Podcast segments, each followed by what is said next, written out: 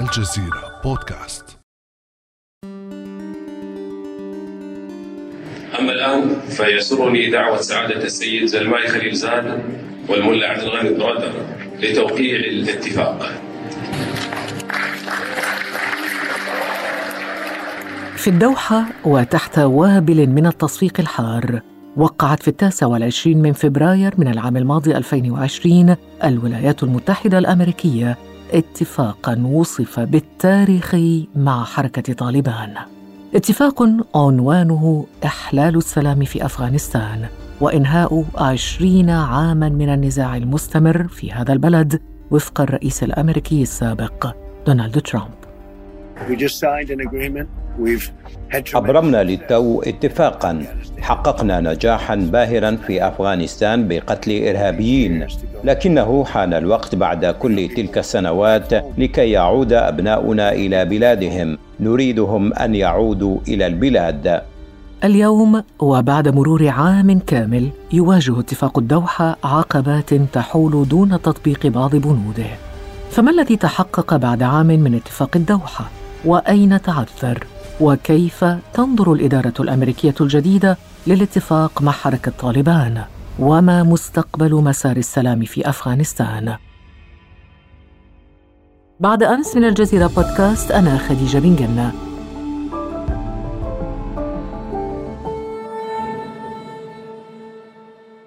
ويسعدنا كثيرا أن ينضم إلينا في هذه الحلقة هنا في الأستوديو الدكتور سلطان بركات مدير مركز دراسات النزاع والعمل الإنساني في الدوحة. نرحب بك. صباح الخير دكتور. صباح النور. دكتور سلطان لنبدأ من البداية. احكي لنا قصة أفغانستان وهي طبعا قصة معقدة خصوصا بعد الغزو الأمريكي عام 2001 والذي صرفت عليه أمريكا الكثير ربما أكثر من تريليون دولار وأرسلت أكثر من مئة ألف جندي أمريكي واستمرت الحرب تقريبا عشرين سنة ضد منظمة كانت تسميها بالإرهابية وانتهت بقصة حب وغزل وعفى الله عما سلف وهل قصة الحب مستمرة نعم. بعد اتفاق الدوحة؟ في عام 1996 ظهرت عندنا حركة طالبان أو استولت على العاصمة حركة طالبان وجاءت كرد فعل لهزيمة الحكومة الشيوعية هزم من قبل المجاهدين ولكن للأسف بدل ما أنهم المجاهدين يعملوا دولة مستقرة اقتتلوا فيما بينهم وصار أن حرب أهلية بحدود أربع أو خمس سنوات أدت إلى دمار كامل لمدينة مدينة كابول ومناطق أخرى في أفغانستان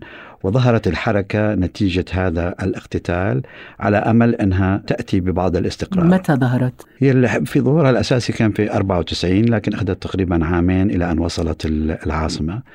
وبعد وصولها العاصمة هنا حصل المفارقة الأخرى أنه تحولت من حركة الهدف منها عمل استقرار في البلد إلى فكرة الدولة وأنشأوا الدولة وفي ذاك الوقت لم تعترف بهم إلا المملكة العربية السعودية دولة الإمارات وباكستان. باقي العالم لم يعترف بوجود هذه الحكومة واستمرت في الحكم إلى عام 2001 مع أحداث 11 سبتمبر في الولايات المتحدة واتهموا بأنهم هم اللي أعطوا الملجأ لأسامة بن لادن وأنه خطط لضربة الولايات المتحدة من أفغانستان فجاء الغزو الأمريكي لأفغانستان بحدود آه، أكتوبر من 2001 وإلى يومنا هذا إلى أن وقعوا الاتفاق العام الماضي. طيب سنة بعد الاتفاق ما الذي حدث؟ هلا الاتفاق آه، كان على أربع أسس أساسية أو أربع نقاط أساسية. النقطة الأولى هي ضمان حركة طالبان بأن الأراضي الأفغانية لا تستخدم ضد الولايات المتحدة وحلفائها لتهديد أي من مصالحها. بالمقابل تقوم الولايات المتحدة بسحب قواتها وقوات الناتو المشاركة معها في في الاقتتال في أفغانستان خلال فترة زمنية محددة وحسب جدولة زمنية. ويقوم الانسحاب لكل انسحاب تدريجي إلى أن ينتهي تماما في 1 مايو 2021 يفترض الانسحاب المفروض بعد شهرين مايو نعم 2021 تقريبا شهرين من اليوم. النقطة الثالثة وهي مهمة جدا إنه في المقابل تقوم حركة طالبان بالتفاوض المباشر مع الأطراف الأفغانية في كابول. منهم الحكومة ولكن هناك أطراف أخرى ليصلوا إلى وضع حكومة أو ترتيب سياسي في الدولة مقبول من قبل الجميع. إذا حوار أفغاني أفغاني تتولد عنه حكومة أفغانية. تتولد عنه أشياء اللي هو الشرط الرابع وهو أن يكون في وقف إطلاق نار تام في الدولة في أفغانستان وحكومة أفغانية معترف بها من قبل الجميع ومقبولة للجميع وهذه تكون الحكومة المعترف بها دوليا. نعم ولكن دكتور هذه النقاط كلها المتفق عليها السنة الماضية في فبراير من العام الماضي وكان اتفاقا تاريخيا وشاهدنا برادر مع بومبيو والصور التي جالت العالم لهذا الاتفاق التاريخي. إلى الآن كل هذه البنود التي تحدثت عنها لم ينفذ منها إلا القليل جدا، اذا ممكن يمكن أن نقول أن اتفاق الدوحة معطل. ليس بالضرورة معطل تماما لأنه يعتمد كيف تنظرين إلى هذه الأمور.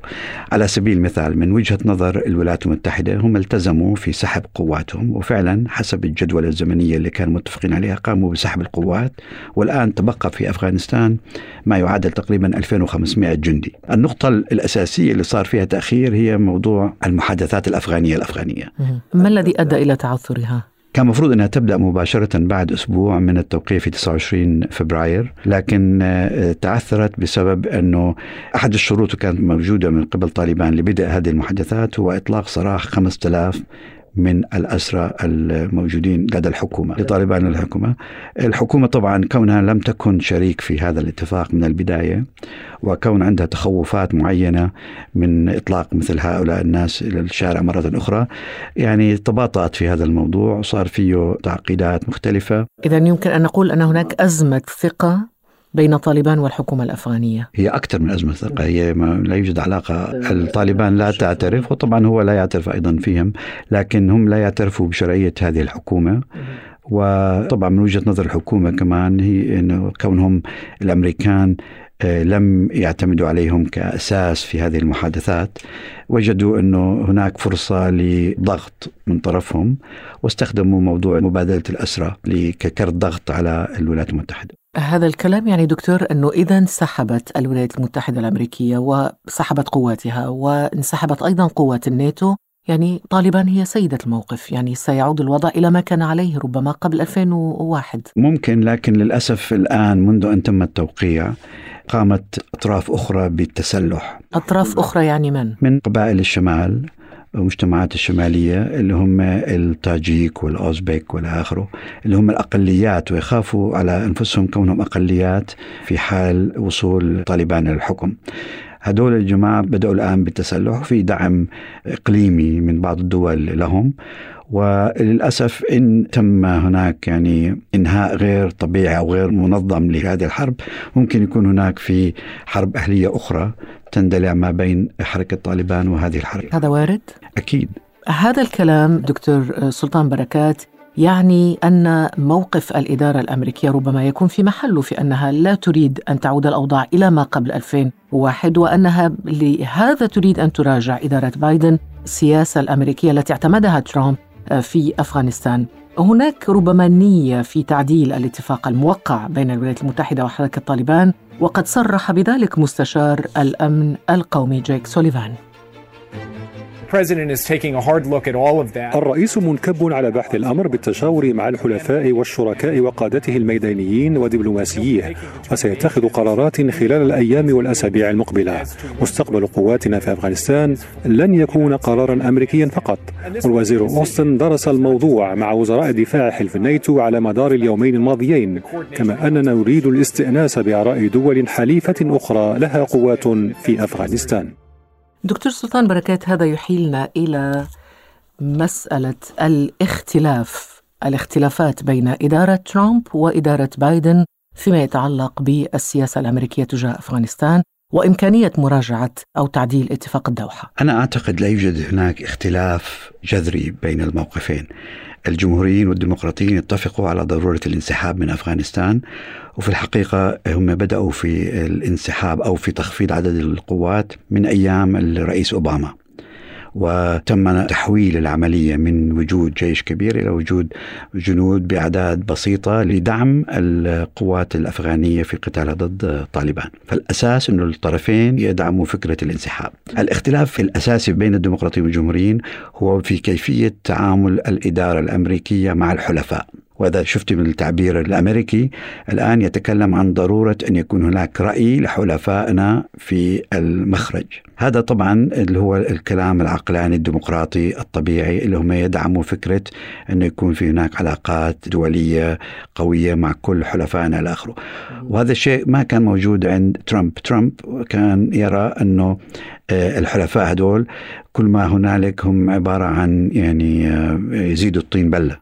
إذا دكتور سلطان بركات إذا لم يكن هناك اختلافات جوهرية بين إدارة ترامب وإدارة بايدن ما الداعي إلى العودة إلى الاجتماعات من جديد في الدوحة؟ الاجتماع اللي حصل ما بين خليل زاد والقيادة الطالبان في الدوحة أنا بعتقد الهدف الأساسي منه هو التأكيد لقيادة طالبان بأن الولايات المتحدة لا زالت ملتزمة في الاتفاق ملتزمة في الاتفاق وتبحث عن مخرج بحيث أنه يتم تسريع عملية المحادثات الأفغانية الأفغانية بما يؤدي إلى قدرتهم على الوصول إلى الانسحاب الكامل. أحد المؤشرات على أنه السياسة الأمريكية لم تختلف كثيرا هو الإبقاء على خليل زاد كمبعوث لهم في هذه القضية مع أنه هو من الصقور الجمهورية يعني الجمهوريين بالعادة كانوا يتوقعوا حتى الحركة والكل كان هناك تساؤل هل سيزاح جانبا ويأتي شخص آخر؟ نعم ولكن لأنه أيضا يتحكم في الملف الأفغاني وهو من أصول أفغانية. ممكن له بعض الكواليتيز لكن هو بشكل عام لو كان هناك في توجه آخر مختلف تماما كان جابوا هم من من رجالهم يعني ناس آه، رجل آخر. موضوع التوقيت أنا لن أتفاجأ إن كان هناك حديث على ضرورة زيادة شهر أو شهرين على الجدول اللي كان موجود أولا. يعني ربما التمديد ليس هو النقطة الوحيدة التي تتم مراجعتها في هذه المفاوضات الجديدة. هناك نقاط نوقشت بين الوفود الثلاثة تتعلق بالإفراج عن معتقلي طالبان لدى الحكومة الأفغانية بموضوع خفض العنف بموضوع رفع شخصيات من طالبان من القائمة السوداء الأمريكية وبموضوع تشكيل الحكومة المؤقتة كل هذه النقاط ربما تحتاج إلى بعض المراجعات وتناقش في هذه المفاوضات. أليس كذلك؟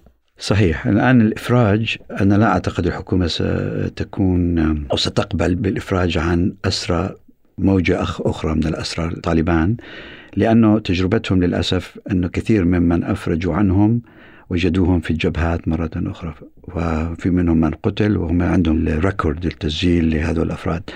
فالتجربة لم تكن بما آه، تمنوه في السابق وبما التزمت فيه حركة طالبان. وهل هو عنف من الطرفين من الحكومة أيضا؟ العنف موجود من من الطرفين أي نعم. هو العنف طبعا كل طرف ينكر آه، إنه هو اللي بدأ الاقتتال لكن الحقيقة انه هناك في عنف متبادل. نعم. كل هذا يطرح تساؤلات دكتور سلطان بركات عن المستقبل. مستقبل عملية السلام في هذا البلد كيف تراه؟ الحقيقة المستقبل هو في يد الأفغان آه، جميع بما فيهم الدوحة هنا عملوا مجهود عظيم جدا لإيصالهم إلى هذه المرحلة الاتفاق الأمريكي الطالبان مع الطالبان فتح الباب للتفاوض الأفغاني الأفغاني المباشر. فالآن المستقبل في أيدي الزعامات الأفغانية ولا يستطيع أحد منهم أنا أعتقد أنه يقول لا نحن والله ما في معنا حرية القرار الآن، الآن الحرية واضحة معهم فيجب أن يترفعوا عن القرار بيد من؟ برؤساء الجماعات الأفغانية بشكل عام يعني ما بين الحكومة والمعارضة السياسية وحركة طالبان. كيف ترى آفاق السلام في أفغانستان؟ هي أمنية أكثر من واقعية أنا أعتقد الآن لكن تعتمد على الإرادة السياسية للأفغان أنفسهم. الآن الأفغان الأطراف الأفغانية في أفضل وضع ممكن يوجدوا فيه من 40 عام بحيث أنه عندهم القدرة والدعم الدولي على اتخاذ قرار بأنفسهم. معظم الدول التي كانت تلعب أدوار سلبية في السابق لم تعد مهتمة في هذا الدور في أن تلعب مثل هذا الدور الآن. على سبيل المثال يعني آه، صار في تغيير جذري بموقف باكستان من الحركة وقدوم عمران خان أثر بشكل كبير على هذا الموقف وهذه من أهم الدول في المنطقة.